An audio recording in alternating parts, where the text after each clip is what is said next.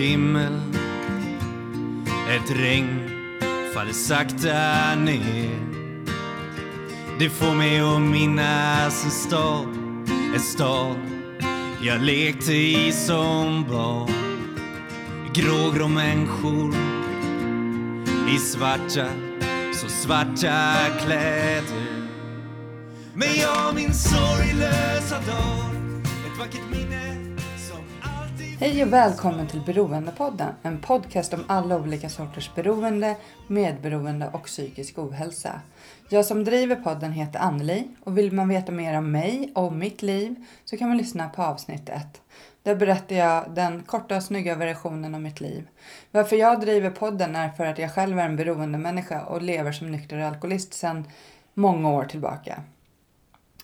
Eh, på hemsidan så hittar man hjälp att få om du som lyssnar känner att du själv behöver stöd och hjälp eller kanske har någon anhörig som behöver stöd och hjälp så kan man kika in på hemsidan beroendepodden.com.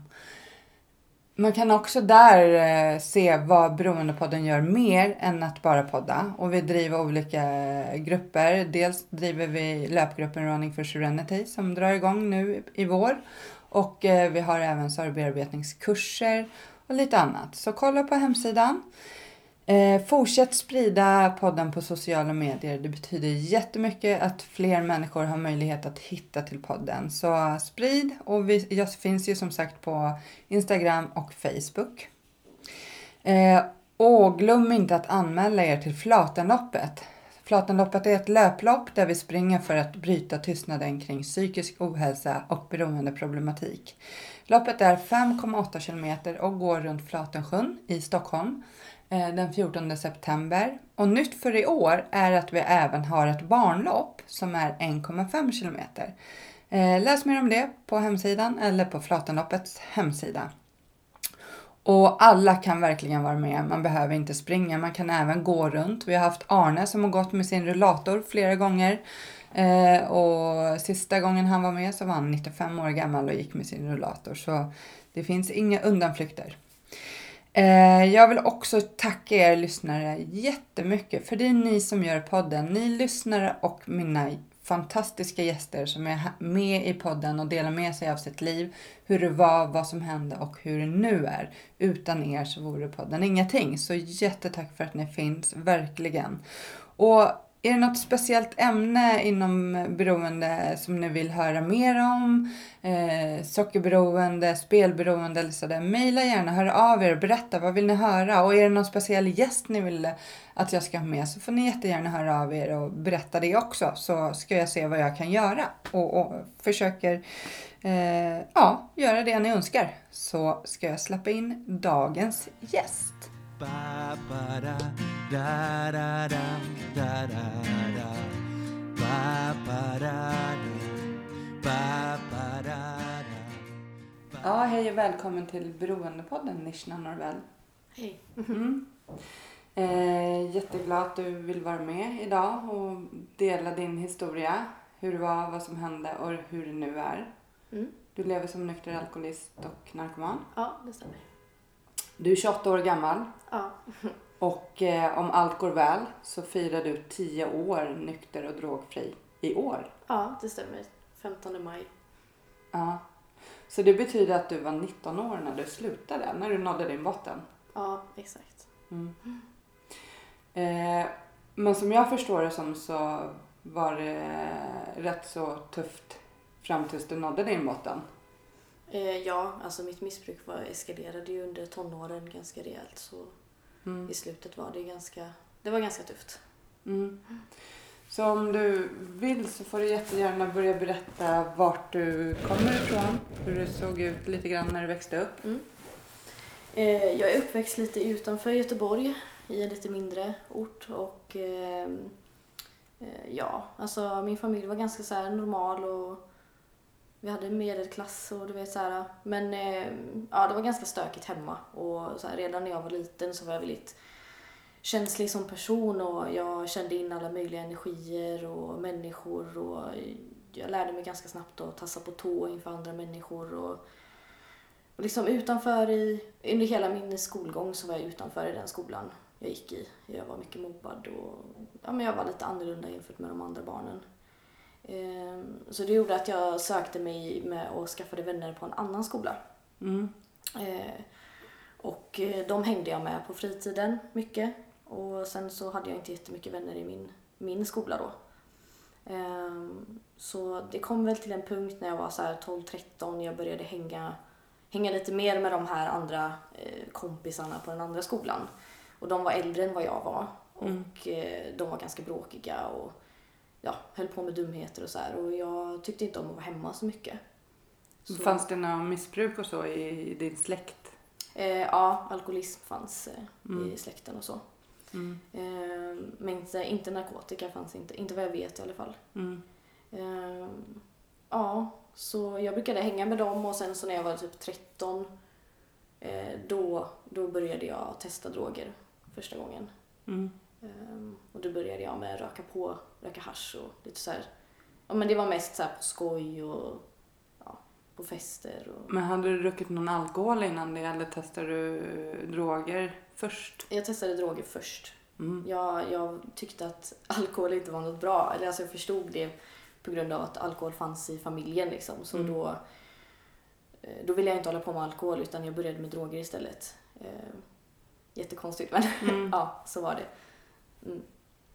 Så du var 13 år, vilken klass kom man i då? Då är man ju inte gammal. Oj, jag vet inte ens vilken klass man går i. Men... Nej, men... ehm, Och så började du röka hasch. Mm. Och eh, skolan, hur funkade den? Alltså skolan funkade ändå okej. Alltså, jag har alltid skött skolan på något sätt. Mm. Eh, alltså, men sen tror jag också, för jag fick väldigt mycket hjälp av lärare. Alltså jag, jag var ganska omtyckt bland lärare. Så jag var en blyg och tillbakadragen tjej som, jag sa inte så mycket och liksom, jag satt längst bak i klassrummet och var tyst och så här. Och jag tror att många lärare såg att, men, att jag behövde lite push eller lite hjälp. Så jag fick ganska mycket stöttning i skolan när det gällde, alltså från lärare i ämnen och sådär. Mm. Ehm, och sen har jag haft ganska lätt, lätt för mig med läsa, alltså det, det jag läser fastnar liksom. Så. Eh, så skolan var, det enda som var jobbigt var att jag var mobbad liksom. Alltså jag satt helst inne på, på rasterna och liksom höll mig ut, borta från eh, folk liksom för att jag mådde jättedåligt helt enkelt. Var det ingen, ingen som märkte... Alltså vad gjorde lärarna i, med, med att du var mobbad och så? Märkte de något? Alltså jag kommer ihåg att jag hade en pedagog som, hon, hon la märke till det men de gjorde inte så jätte- jättemycket. Alltså det var mer såhär, du får lära dig att säga ifrån nu och du får, du får sätta dina gränser och de hade någon sån här, det började med en sån här antimobbning ehm, grej i min skola. Mm. När jag, men, men då var jag kanske 14 när det började, 14-15 tror jag. Eh, och då uppmärksammades det väl lite grann men då hade jag ju redan kommit in på den eh, banan med droger liksom och jag ville inte ha de människorna i min klass som vänner utan jag föredrog att hänga med de andra eh, från den andra skolan helt enkelt för det var de som var där fick jag ju bekräftelse, där, fick jag ju, där blev jag ju sedd. Alltså, de tyckte om mig som den jag var, trodde jag. Liksom. Och sådär. Så det var ju där jag trivdes att vara istället. Hur mådde du som barn? Eh, alltså jag, jag kan minnas ganska långt tillbaka att jag har nog alltid varit så här, ång, alltså ångest. Det kan jag komma ihåg att jag hade typ min första panikångestattack när jag var typ 10. Eh, och jag vet inte varför. Mm. Alltså, eh, utan jag har alltid varit så men jag sa innan att jag var ganska känslig. Mm. Ehm, jag vet inte riktigt var det kommer ifrån. Jag tror ibland att man kanske bara är känslig eh, allmänt. Och idag kan jag väl se det som en gåva att jag, att jag är känslig. Men då så var det ju det var jobbigt liksom. Alltså, jag kunde inte hantera det. Eh, jag kände för mycket känslor när jag kanske när andra människor kanske inte, men varför känner hon så mycket nu eller varför reagerar hon så? Men för mig var det så här, all- allt var känslor liksom. Och det, det kunde vara väldigt, väldigt påfrestande helt enkelt.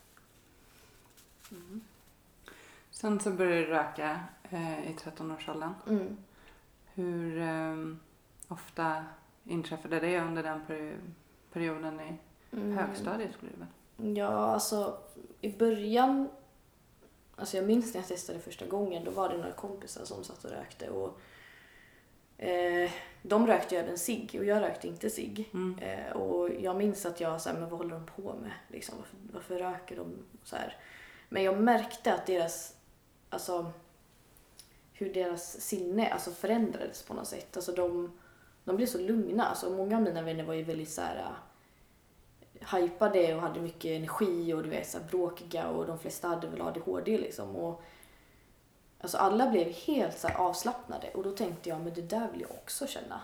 Alltså kolla på dem, de har jätte, de skrattar, de är jätteroligt, de, de är helt avslappnade. Jag bara, jag vill också göra det. Jag vill också känna så. Mm. Så det var, då började jag att testa och sen blev det väl så här någon gång ibland på, på helgerna. Eh, hemmafester eller när vi hade hemmakvällar hos någon. Eh, vi brukade hänga hos en kille som inte hade föräldrar som var så närvarande. Så där blev vi inte störda. Liksom. Eh, ja, så i början var det inte så jätteofta men det började ju mer när jag var, när jag, började, när jag var 14 år. Då började det ju vara ganska så ofta. Då var det flera gånger i veckan. Mm. Ehm, och så. Mm. Såg, eh, kom dina föräldrar på dig eller märkte de? Nej, alltså. Jag tror inte, alltså min mamma sa någon gång vid något tillfälle att, att det luktade någonting. Mm. Så här, hon trodde jag hade rökt cigaretter eller någonting. Och jag bara nej jag röker inte. Och så ville hon lukta på min mun och lite sådär. Men det var inte, det var inte mer med det. För det satt, det satt ju kläderna på mig. Och, och så. Eh, och jag trodde ju att sprayar man parfym eller så här så skulle det försvinna. Men det gör ju inte. Det, sätter sig ganska mycket, alltså det är tydligt. Ehm, Så då blev jag så här, då blev jag rädd. För jag ville absolut inte att mina föräldrar skulle veta att jag hade rökt liksom. Ehm, Så då, då slutade jag att att röka hasch så började jag med tabletter istället. Vad var det för tabletter? Eh, tramadol och benzo Mm. var det som jag framförallt tog. Sen testade jag väl lite så här ecstasy och LSD och sånt men för mig så, jag ville ju inte känna någonting. Så jag ville ju inte ha uppåt, alltså jag ville ju inte liksom bli speedad på det sättet utan jag ville ju bara stänga av eh, all min känslighet och eh, jag började väl dricka lite alkohol i den åldern också när jag var 14-15.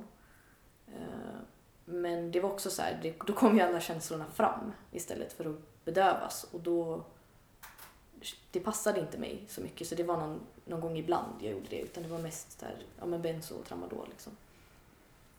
Och det fick du tag genom, på genom dina äldre vänner då eller? Ja precis, alltså de, de var ju ganska mycket äldre än mig Ehm, och några av dem sålde men jag hade inte några pengar, alltså jag var ju jag var 14 år, alltså jag hade väl eh, man fick väl veckopeng typ så här. Mm. Eh, och mina föräldrar kunde vara ganska schyssta så här. Om jag sa typ att nej men jag ska gå och kolla på bio eller jag ska gå och äta godis med mina vänner så fick jag en liten slant men det var ju inte så mycket.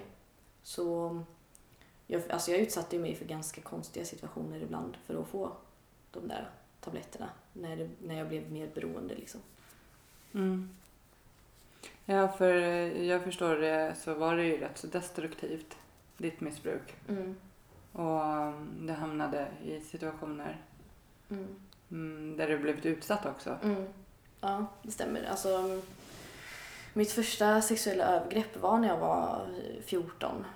Eh, Och det var en av mina så kallade vänner Mm. som... eh, Ja, jag hade, jag, hade inte, jag hade inte fått tag på tramadol på flera dagar och jag var jättearg. Och, alltså jag hade sån abstinens så det var väl där jag började liksom känna att jag började bli beroende av det. Att jag behövde dagligen. För jag fick sån abstinens, jag var arg hemma, jag smällde i dörrar, jag, jag, alltså jag hade hög musik och min mamma hon var vansinnig på mig. Liksom. Tyckte att det var hon för tonårsfreakande här. Liksom. Men det var ju bara att jag tände, jag tände av och sen hade jag abstinens och jag hade panik. Liksom. Och då, då var jag så här, men frågade jag en vän så här, men snälla kan inte, du, kan inte du ge mig lite trams så du får pengar sen när jag får veckopeng eller så här, men nu får jag ingenting för att jag har betett mig illa hemma liksom. Mm. Och då sa han så här, om du, om du går med på att ha sex med mig så kan du få eh, tramadol. Och jag, jag ville ju inte ha sex med honom. Alltså jag, hade inte ens, jag hade inte ens haft sex innan överhuvudtaget. Så, här. Eh, så det slutade ju med eh, att han tvingade mig att göra oralsex på honom. Eh, och det var jättehemskt. Alltså jag mådde jättedåligt efter det. Och jag minns att jag stod i duschen i typ två timmar och bara försökte tvätta bort det. Även fast inte han hade direkt rört mig så var det ändå så här, jag kände mig äcklig liksom. Och, jag fick ju min tramadol. Så när jag tog den så efter det så mådde jag ju bra inom situationstecken igen liksom. Så, ja. Mm. Och ja, och det är ju så ser det ut för många. Att man Mm. eh, ibland gör saker som man absolut inte vill Mm. för att få sin drog. Mm. Men eh, hur, hur eskalerade missbruket eller hur, hur såg det ut? Mm. Alltså det höll väl på lite så här ungefär. Men jag tog eh, tabletter nästan varje dag. Inte kanske inte riktigt varje dag där när jag var 14-15. Uh, eh, Sen började jag väl, alltså jag, jag började ju i skolan, folk började ju märka att jag, att jag var, betedde mig lite annorlunda och så här och jag blev mer utanför och jag gjorde väl, ja men jag kunde vara lite så här rebellisk, jag kunde så här, ja men du vet, ha åsikter som inte andra hade och, och liksom så här och, och sen med de här dysfunktionella relationerna jag hade med mina vänner liksom det, det var också så här, alltså jag var den enda tjejen i gänget Um, och ja men det var väldigt mycket så här, alltså de passade på att utnyttja mig vid många tillfällen liksom, alltså så här, men det kunde vara vad som helst där. Och men vi, var i en, vi var i en butik och de skulle stjäla någonting och jag brukade inte stjäla. Men det kunde liksom, de stoppa grejerna i min väska för att det var minst chans att jag skulle bli misstänkt för jag var en liten blyg gullig tjej liksom som ingen lade märke till. Mm. Och då var det sådana där grejer. Jag fick så mycket ångest och jag tog ju bara mer liksom för att jag kände att det var fel. Alltså det var fel liksom. Men jag var så inne i det där redan så att det, liksom, det eskalerade bara där. Det blev värre och värre och vi började slåss också mycket. Alltså, jag var ju arg. Alltså, innerst inne var jag ju ganska arg alltså, över saker hemma och liksom men i skolan och så här. Så på fritiden, vi gick och slogs mycket. Vi slog folk liksom. Vi, och så kunde man också få pengar om man slog någon och tog deras plånbok till exempel eller så klocka eller någonting, eller telefon. Kunde man sälja det. Då kanske inte, vi hade inte så häftiga telefoner men man kunde ju ändå få någonting för det liksom. Ehm, sen träffade jag en kille eh, som jag blev tillsammans med och det var väl där som, eh, då var jag 16. Det var då mitt missbruk började eskalera riktigt mycket. Så jag träffade honom. Han var mycket, mycket äldre än mig också. Och missbrukare. Ja. Mm. Vad, mm, började, vad tog du med honom? Hade du, hade du eh, hade gått från hasch till tabletter? Mm. Mm. Och var det fortfarande tabletter? Ja, det var fortfarande tab- tabletter, alltså liksom mestadels. Det var, det var min huvuddrog eller vad man säger. Mm. Ehm, alkohol ibland. Ehm, men alkohol var inte någonting som jag direkt fastnade jättemycket på. Ehm, så, eftersom att det fick mig att känna känslor liksom. Men ehm, alltså han, han gav ju mig mycket gratis. Alltså det var ju mycket därför mitt bruk, missbruk eskalerade också. För att jag fick så mycket av honom hela tiden. Alltså jag kunde liksom egentligen ha tagit den dosen jag var van vid men så ja men här, här älskling, här har jag lite mer du vet och så kunde jag ta mer liksom och um, han utnyttjade mig jättemycket och utsatte mig för jättemånga olika övergrepp. Alltså, han var ju den som tog min oskuld genom att, ja men, ja, med ett övergrepp och um, det var mycket misshandel både psykiskt och fysiskt. Eh, och mycket så här kontroll. Han skulle ha kontroll på mig hela tiden. Vad jag hade på mig, vad jag åt, när jag, vart jag gick. Alltså allting var liksom kontroll. Vad, hur mycket droger jag tog. Alltså han kunde ibland bestämma att jag inte fick ta. För att han ville se mig tända av och ha abstinens för att han ville se mig lida. Liksom. För att sen ge mig kanske lite för mycket när jag hade abstinens. Så att jag liksom var på gränsen till en, en överdos nästan. Liksom. Så där kunde han ju hålla på när han eh, var som värst. Liksom, när han var i sina perioder eller vad man säger. Så. Men eh, ja, han utsatte dig för eh, sexuella övergrepp Mm. också. Som Ja. du, Mm. hur länge eh, var du i den relationen? Alltså vi, vi, var, vi var tillsammans till och från. Alltså det var alltid på hans villkor. Jag ville göra slut flera gånger men det gick inte. Eh, men han kunde dumpa mig ibland. Och då kunde jag vara fri från honom så här några månader eller en månad eller någonting och det kunde vara jätteskönt. Eh, och då kunde jag nästan där tro att jag bara, nu ska jag sluta med droger liksom. Nu ska jag, nu ska jag sluta med det här och så. Men sen så kom jag alltid tillbaka och då var det liksom som att jag hade inte så mycket val. För att han hotade att döda min eh, lilla syster och han hotade om så mycket skada typ mina närmsta. Så jag, jag vågade ingenting annat och jag vågade inte anmäla honom. Och han var så, mycket, så pass mycket äldre än mig. Och, alltså det var också, alltså det var nog, jag började att ta schack där också vid ett tillfälle. Ehm, då fick jag typ för mig att, att när jag, när jag var för liksom, down av eh, tramadol eller benzo då skulle jag ta schack för att balansera, alltså jag skulle få någon slags balans liksom, om vi skulle gå iväg på fest. Då tyckte han att du kan inte du sitta där som en zombie. Liksom. Då får du ta lite schack så att du, så att du är på partyhumör. Liksom. Så här. Um, men ja, vi, alltså jag, när jag var 17, då, ungefär när jag var 17, det var då sista gången um, jag uh, träffade honom då. Då fick jag hjälp av en, en annan killkompis som inte höll på med missbruk överhuvudtaget. Uh, han hade sett att jag hade massa blåmärken och så här och han bara frågade, har dina föräldrar sett det här? Jag sa nej. Vadå? Det är från träning. Eller så här, för jag, hade, jag tränade lite thaiboxning då. Han bara, nej men alla de här är ju, det här är, allt det här är ju inte från träningen liksom. Ehm, så han hjälpte mig där och typ, ja men våga och göra slut. Liksom. Så. Mm. Och, men här någonstans eh, förstod du att du hade att du var beroende? Att du hade problem och behövde hjälp eller? Mm, ja, alltså det var väl runt den åldern, 17 någonting. Började fatta för att jag försökte sluta efter mitt ex liksom, flera gånger själv.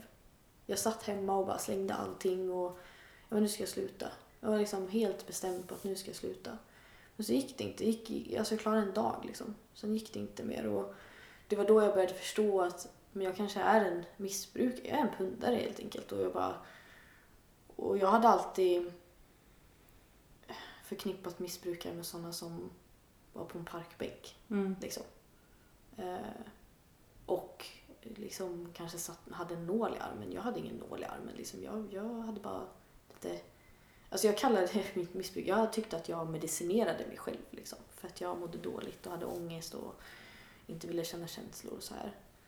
Så jag lurade ju mig själv alltså, eh, jättemycket med det. Men eh, det var väl där någon gång jag satt, jag minns att jag satt framför en spegel och bara insåg att, att jag är typ död inombords liksom. Och, ja, och saknade nästan att känna känslor fast jag ändå inte ville känna känslor liksom. Um, och så. Mm. Men efter den här, jag känner igen mig jättemycket i den här relationen som Mm. du pratade om. För jag var också i en sån relation och det var där jag började missbruka tyngre droger. Mm. Innan drack jag bara alkohol. Mm. Men så satt jag också fast i en sån där relation. Hur, ehm, och man kan ju bli rätt så trasig efter en sån relation. Mm. Eh, även när, man väl lyckas bryta Mm. den. Det, det är inte alla som lyckas bryta de där relationerna. Hur mådde du efter? Alltså jag mådde jättedåligt. Alltså ångesten ökade ju ganska mycket. Och ibland så tyckte jag inte ens att det hjälpte med droger. Alltså, det var som att jag kunde ta så höga doser men det, det, det hjälpte ändå inte. Eh, och det var då jag tyckte, då började jag bli rädd. Alltså att inte det funkade längre. Och jag tränade ju thaiboxning och jag brukade gå till eh, till thaiboxningsklubben, till min tränare och jag brukade ibland bara, bara vara där för det var typ det enda stället jag kunde... Där kunde jag bara vara. Alltså min tränare visste att det var någonting, alltså han visste att jag hade problem med någonting. Han frågade aldrig mig, alltså då, men han visste liksom. Och han lät mig alltid bara, ah, ska du vara med och träna idag? Nej, jag orkar inte liksom. Då fick jag sitta och titta på eller liksom hjälpa till och kanske hålla nybörjarträningar eller ja men du vet sådär. Um, så det var väl också där jag började inse att alltså, det finns folk som bryr sig om mig. Eller så här, för att min familj såg kanske inte, de såg inte att jag mådde dåligt. Även om jag tydligt visade det. Alltså jag var arg och jag... Ja men liksom, det var tydligt att jag inte mådde bra. Mm. Ehm, Men min tränare var ju den enda som... Han, han var den som uppmärksammade att jag mådde dåligt helt enkelt. Men sen gick det något år till innan du slutade. Ja, precis. Eh, min tränare hade ju konfronterat mig vid ett tillfälle. Då var jag, det var ungefär samma år som jag, ja, men jag, när jag fyllde 18. Då konfronterade han mig. Han bara, jag vet att du, jag vet att du tar droger liksom. Och jag var jättearg. Alltså så här, bara nej, du är dum i huvudet eller jag knarkar inte. Och liksom, men han visste, för han hade jobbat med, med ungdomar med missbruksproblematik innan. Så han hade vetat om det hela tiden. Det var bara att han hade väl bara väntat på tillfälle liksom och så här, konfrontera mig. Och jag, jag, jag, ville inte, jag ville inte veta av mig, jag var jättearg. Och han sa till mig, du får inte komma hit om du missbrukar. Mm. Och han visste ju att det var min så här, där var min enda fri, alltså frizon att vara, att liksom kunna vara mig själv. Och jag tror att, jag tror att han visste om det liksom på något sätt att så här, han bara, jag, kan, han bara, jag hjälper dig gärna. Men då måste du vilja bli drogfri liksom. Um, jag bara, men jag knarkar inte. Och så, och så fick jag inte vara där för att, när jag, för att jag missbrukade ju liksom. Och, så jag vågade inte gå dit. Jag var, jag var inte där på jättelänge liksom. Ehm, eh, ja, och sen så kom det väl till en punkt jag bara, nej men okej, jag behöver sluta. För att det var, det var för mycket att typ att ge upp den här, det här stället liksom som var det enda stället jag mådde bra på typ. Så då, då, fick jag, då bestämde jag mig väl halvt om halvt. Så här, ja, men jag får väl eh, sluta liksom. Mm. Så då gick jag till honom och bad om hjälp helt enkelt. Och han visste vart man skulle vända sig eller hade han någon... Vad fick du för hjälp av honom då? Mm, alltså han föreslog att, att eh, jag var ju 18. Han föreslog att jag skulle gå på behandling Mm. tyckte han. Att, och han sa att han kunde följa med mig till SOS och fixa det och så men jag ville inte det. Jag var verkligen så här, jag vill inte att mina föräldrar ska veta. Och de kommer fatta om jag går in på behandling. För jag kommer vara borta då. De kommer förstå det och jag ville inte det. Um, jag hade inte jättebra relation alltså med min pappa och min mamma hade jag en okej relation med men vi bråkade mycket liksom. Um, så jag bara, nej jag vill inte det. Och då sa han så här, nej men då måste du, då måste du göra allt jag säger, annat jag säger åt dig att du ska göra. Han bara, du måste, du måste gå på, han föreslog NA, Anonyma Narkomaner, så här självhjälpsgrupp. Och då föreslog han, då får du gå på NA.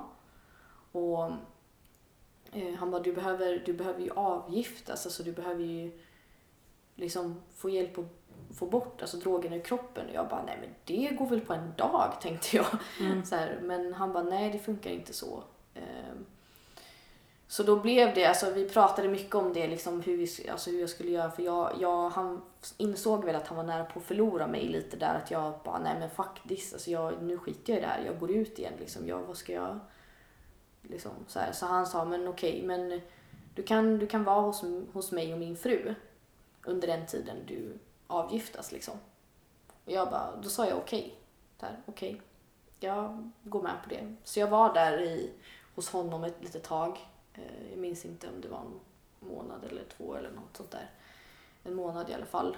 Eh, och det var hemskt. Alltså, jag ångrar, alltså idag så ångrar jag nästan att jag inte typ gick och fick hjälp med avgiftningen. För det, det är inget jag rekommenderar alltså, till någon att göra det själv på egen hand. Liksom. Det, var, alltså, det, det gjorde ont och det, ja, det, var, det var vidrigt liksom. Att gå igenom det Mm. eh, utan hjälp från kanske professionella, alltså som läkare och så. Ehm, mm. Men började du gå på möten efter avgiftningen eller? Nej, eh, jo, jag gjorde inte det till, i, i början sådär utan jag var ren kanske i någon månad. Eh, och sen hade jag ju en egen lägenhet som min mamma hade fixat till mig. Så då eh, så var det mer att jag, men jag gjorde typ, jag, jag var med min tränare Ali då och eh, tränade på morgonen. Vi hade så här ett schema liksom. Vi tränade på morgonen och sen så satt vi och pratade om känslor. Vi satt och pratade om grejer. Så det var som att vi hade vår lilla, egna lilla möte där. Mm. Eh, Men... ehm, Och sen var jag på typ på thaiboxningsklubben hjälpte till. Så jag var liksom sysselsatt. Men jag märkte att efter en månad cirka, eller om det var en och en halv månad, så började jag känna saker. Alltså känslor började ju komma tillbaka till mig och det... Alltså det, det, var, jätte, det var jättejobbigt. Alltså jag hade inte hanterat det. Jag var ändå missbrukare i typ sex år, eller fem, sex år. Och jag, jag hade liksom sluppit de här känslorna som jag hade liksom haft. Mm. Och då kom allt på en gång. Och så alla trauman jag hade varit med om. Och liksom allt bara skyllde över mig och jag, jag klarade inte det. Eh, Så jag gick ut igen. Eh, Jag letade upp någon gammal kompis och liksom jag bara tog allt, allt jag fick tag i liksom. Jag tror inte ens jag betalade för hälften av det där jag tog. Jag bara snodde från folk på den här festen och bara tog jättemycket och blandade med alkohol och allt möjligt. Eh, Och då tog jag en överdos. Mm. Och då hamnade jag på sjukhus. Så då vaknade jag där och bara massa slangar och grejer och, och fattar inte vart jag är liksom och får panik. Och då, det, var, det var nog där jag slog min botten på riktigt för att då insåg jag att man kunde dö. Alltså jag hade ju velat dö innan och liksom men jag hade alltid trott att jag kunde inte leva med droger men jag kunde inte leva utan droger heller. Men där så var det som det var en bristningspunkt att jag bara shit, jag kan dö av det här. Alltså jag, hade varit, jag var så ung och naiv liksom och trodde att det bara skulle rulla på liksom. Jag hade ingen framtidssyn liksom på någonting. Så. Så, men och vad hände därefter då? Då tar du tag i det? Ja, Ja, då, riktigt. då, ehm, då säger jag till min tränare att nu vill jag göra det här på riktigt. Liksom. Mm. Och då sa han, han bara, då måste du börja gå på NA. Då måste du börja gå på möten om du inte vill ha, gå på behandling. För någonting måste du göra. Alltså, du kan inte, du, man gör, klarar inte det här själv. Det var en sån här viktig grej. Han sa det, men du behöver inte tro på mig nu liksom. Men han bara, men när du sitter där om några år och är liksom drogfri och du kan känna känslor igen så kommer du förstå att man gör inte det här själv. Liksom. Um, så jag, jag började gå på NA Eh, ganska mycket. Sen, sen så avtog det för att jag vet inte riktigt varför men jag gick på NA i alla fall under jag har gått på NA under hela min drogfrihet. Eh, sen har det gått perioder liksom upp och ner så här, hur mycket jag har gått och så. Men eh, jag vet att jag inte hade levt om jag inte hade gått på NA i alla fall. För det, det har hjälpt mig jättemycket. Men hur kändes det? Jag tänker när man eh, kommer in på olika självhjälpsgrupper eh, så känner man ju igen sig i de andra. Mm. Vi delar samma sjukdom. Mm. Det spelar ingen roll vilken självhjälpsgrupp det är Mm. egentligen. För Mm. vi har ju alla samma sjukdom. Sen Mm. använder vi olika droger. Liksom så. Men, men du som var så ung. Eh, jag kan tänka mig att du måste ha varit typ yngst när du började ja, gå. ja. Liksom. Eh, ja, alltså det, jag, var, jag var ju yngst för det mesta. Jag, det var, och så var jag, jag uppfattade det som att det var inte så jättemycket kvinnor heller när jag eh, började gå. Mm. Jag gick på AA en del också. Alltså jag gick inte bara på NA utan AA med i början. Ehm, eh, Så jag gick lite så här sporadiskt vad jag kände för den dagen och så. Men, ja, men det, var, det, var, det var tufft ibland ehm, att vara yngst. Eller så här, att vara ung liksom. Men, ehm, men sen, alltså när åren har gått så har det kommit, då har man ju märkt att jag varit, nu är det mer blandade grupper. Alltså nu är det mycket mer och det är många unga nu. Mm. Nu finns det, och nu finns det ju också eh, speciella grupper som riktar sig bara till Ja, yngre. ja eh, precis. i, I de olika självhjälpsgrupperna. Mm. Mm. vet jag. Men eh, var du tvungen att bryta med alla gamla vänner när du slutade? Ja, ja, alltså det gick ju inte. Jag fick ju helt bara... Det var jättetufft. Alltså det, för det var något på sätt de som hade varit min trygghet. Eh, och så här, och de, de var ju jätteledsna att jag inte skulle hänga med dem längre och, och sådär. Men jag insåg ju att jag kommer inte kunna vara, alltså umgås med dem utan att ta någonting. Mm. och hamna i gamla beteenden som, som inte är bra för mig. Liksom. Ehm, Så jag var tvungen för att bryta kontakten med dem. Eh, En grej var ju bra att vi flyttade från eh, därifrån jag kommer, alltså utanför Göteborg. Vi flyttade till Göteborg istället. Mm. Eh, vilket var jätteskönt. För då var det på något sätt att de, de blev det automatiskt lite att man kunde lämna dem bakom sig liksom. Lite enklare och så. Mm. Men du har ju varit nykter och drogfri i rätt så många år. Eh, har du, vad har du för verktyg idag känner du som du... Eller hur mår du idag? Kan vi Mm. börja Ja.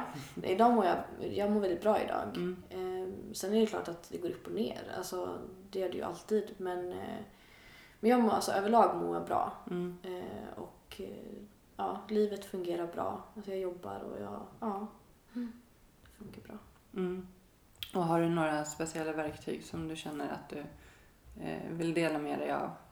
Mm. Alltså jag har ju fortsatt att gå på NA även om jag har varit drogfri i många år. Alltså jag tror att det är viktigt att man fortsätter och Alltså oavsett vad man har för slags hjälp så tror jag ändå det är, alltså om man går, väljer att gå till psykolog eller, eller så här så tror jag det är ändå viktigt att man underhåller det på något sätt. Eh, och att jag går ju också även på eh, öppenvård just nu för traumabehandling Mm. eh, av vissa grejer som jag nu kan ta tag i som jag inte kunnat ta tag i tidigare i min drogfrihet. För jag har inte orkat liksom. Eh, så jag tror att det är bra att fortsätta jobba med sig själv. Eh, och jag gör ju 12-stegsprogrammet inom NA också. Mm. Och då gör jag dem, jag har en sponsor fortfarande och det är en sponsor är ju någon som hjälper en med att gå igenom 12-stegsprogrammet då. Ehm, Så det gör jag och sen har jag skapat ett nätverk med bra sunda relationer. Alltså, eh, jag har bättre relation till min familj i dagens läge. Jag har fina och bra vänner, både som är beroende och som är icke-beroende. Alltså jag tror det är bra att ha en balans och ha både och liksom. Eh, inte bara beroende människor. Utan Mm. så. Mm. Och träning, träning. Mm. Alltså jag tränar ju fortfarande. Alltså nu har jag inte tränat thaiboxning på, alltså på ett tag för min, eh, min tränare gick bort i januari förra året.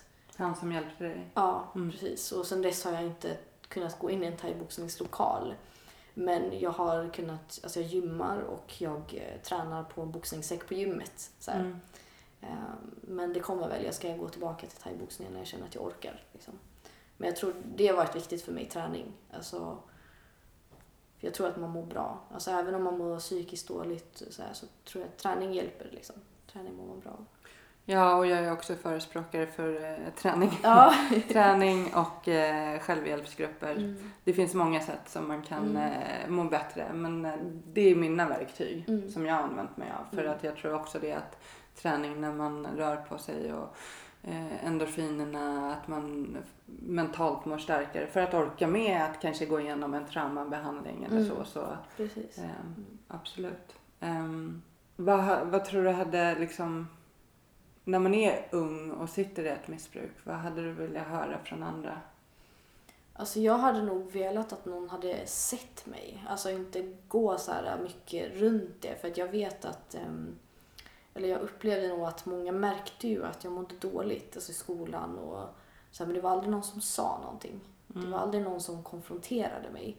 Och det var ju först när Ali konfronterade mig som jag kände mig sedd. Alltså, någon såg mig. Alltså, någon vågade också att ta tag i mig liksom och säga hallå, du mår inte bra och jag ser det. Jag- kan hjälpa dig liksom. Jag tror att det är viktigt alltså att få den, alltså för för mig var det så, jag blev ju inte sedd liksom. Så för mig var det ju, det var ju det som var det viktiga. Jag hade velat bli sedd tidigare. Alltså någon hade liksom uppmärksammat mig på något sätt. Um, så. Uh, och jag tror att, ehm, sen tror jag också att om jag hade själv bett om hjälp så kanske det också hade varit en utväg. Om jag hade vågat helt enkelt att be om hjälp tidigare. Alltså det är jättesvårt när man är ung och osäker men men till andra unga så brukar jag försöka säga liksom att men, våga be om hjälp. Alltså, jag menar det finns, man kan googla, det finns liksom nummer man kan ringa och så här till självhjälpsgrupper där det finns folk som kan möta upp en och gå med dig till ett möte eller och informera om, om liksom, saker och ting. Ehm, Så det finns hjälp men jag tror inte att många, många unga vet inte att det finns hjälp. Ehm, Så jag, alltså, ja. Mm, kanske behöver nå ut mer i skolor och... Ja, men precis. Det, Ja.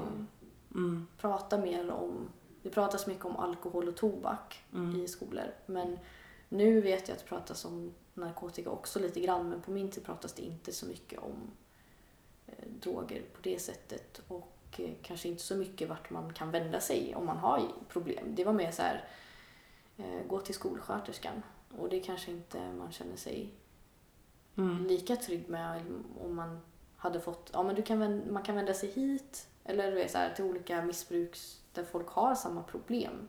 Jag tror att det är viktigt att kunna känna igen sig. Alltså det är det som är, jag tyckte var bra, att det var folk som har varit med om samma sak, samma sjukdom. Ehm, och att man då kan vända sig till dem. Liksom. Så det tror jag är viktigt. Informera om mer vart man kan vända sig. Mm. Och som sagt på Beroendepoddens hemsida så finns det ju en eh, sida med olika länkar till olika ställen som man kan vända sig till om man själv lyssnar idag och känner att man behöver stöd och hjälp. Så kan man kika in där. Hur ofta går du på möten idag? Är det... Eh, flera gånger i veckan. Mm. Mm. Och um, hur ser du på framtiden? Mm. Ja, alltså jag, jag vill ju jobba med eh, unga som har missbruksproblematik. Eh, så det är någonting jag ska satsa på nu. Eh, jag har jobbat som väktare innan och eh, nu, nu är jag mer inne på att hjälpa andra människor i samma situationer. Liksom. Eh, familj och barn är någonting jag vill ha, Mm. alltid velat ha. Så det, det hoppas jag också på inom en snar framtid. Och du har en eh, Instagram-sida som man kan följa dig på Mm. ifall man... Eh, eh, vad, heter, vad heter den? Lilla Ninja. Mm. Så... ehm, ja, Mm. jag får tacka så jättemycket för att jag fick komma Mm. hit till dig, för jag är ju hemma hos dig Ja. faktiskt. eh, och att du ville vara med och, i podden och dela med dig av din historia. Mm. Tack så jättemycket. Tack så mycket själv, det var jättekul.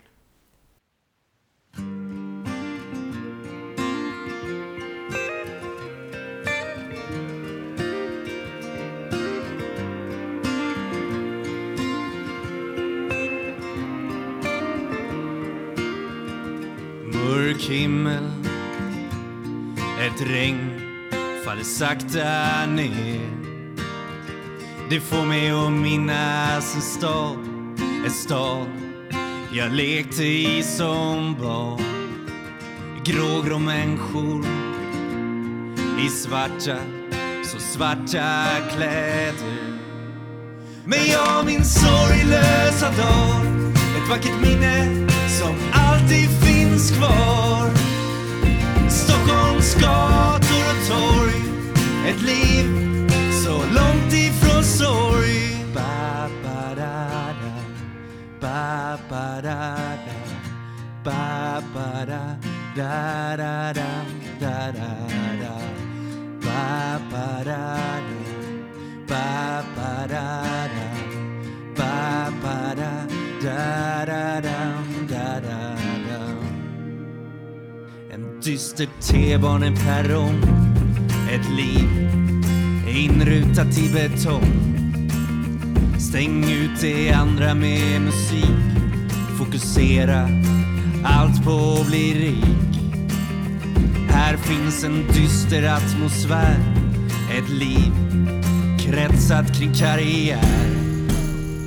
Men jag minns sorglösa dag. Ett vackert minne som alltid finns kvar. Stockholms gator och torg. Ett liv så långt ifrån sorg ba, ba, da, da. Ba, ba, da, da. Ba, ba, da, da, da, dam, da, da, da. Ba, ba, da,